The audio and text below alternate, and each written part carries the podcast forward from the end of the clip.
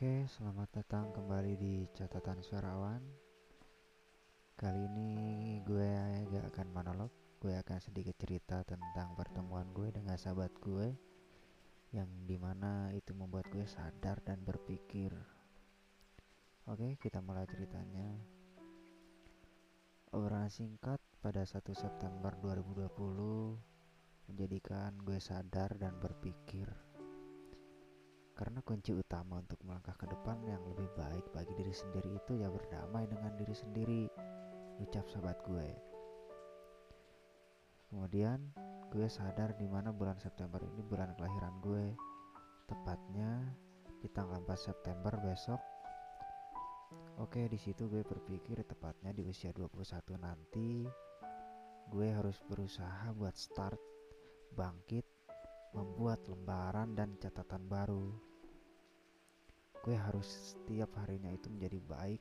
Gue harus membentuk diri gue itu siapa dan sadar bahwa diri gue ini seperti apa. Gue harus bangun.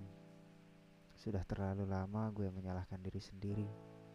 Bertahun-tahun lamanya. Sampai sahabat gue bilang mau sampai kapan lo akan seperti itu?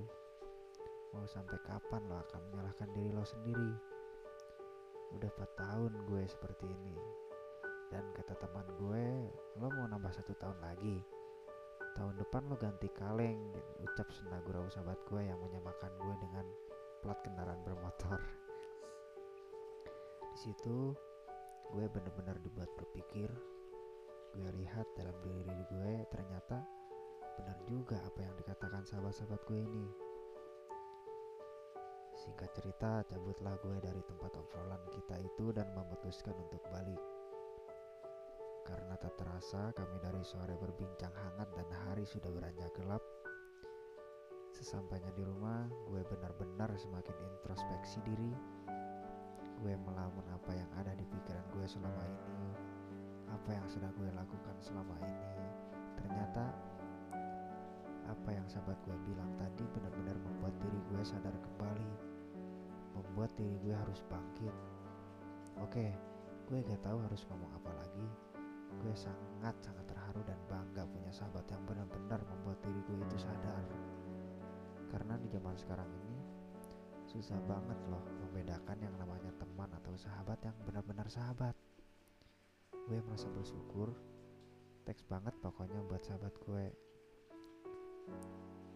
Oke, ambil hikmahnya saja dari cerita gue tadi mencari teman atau sahabat yang relate banget buat diri lo sendiri itu memang susah ditemukan. Tapi teruslah berbuat baik terhadap siapa pun yang lo jumpai. Karena di saat posisi lo di titik terendah pasti ada aja orang yang akan membantu lo dengan sangat baik buat kontribusi buat kontribusi hidup lo gitu. Sekian cerita singkat gue. Terima kasih sudah mendengarkan Buat siapa pun itu, salam hangat dari gue. Semangat untuk kita semua.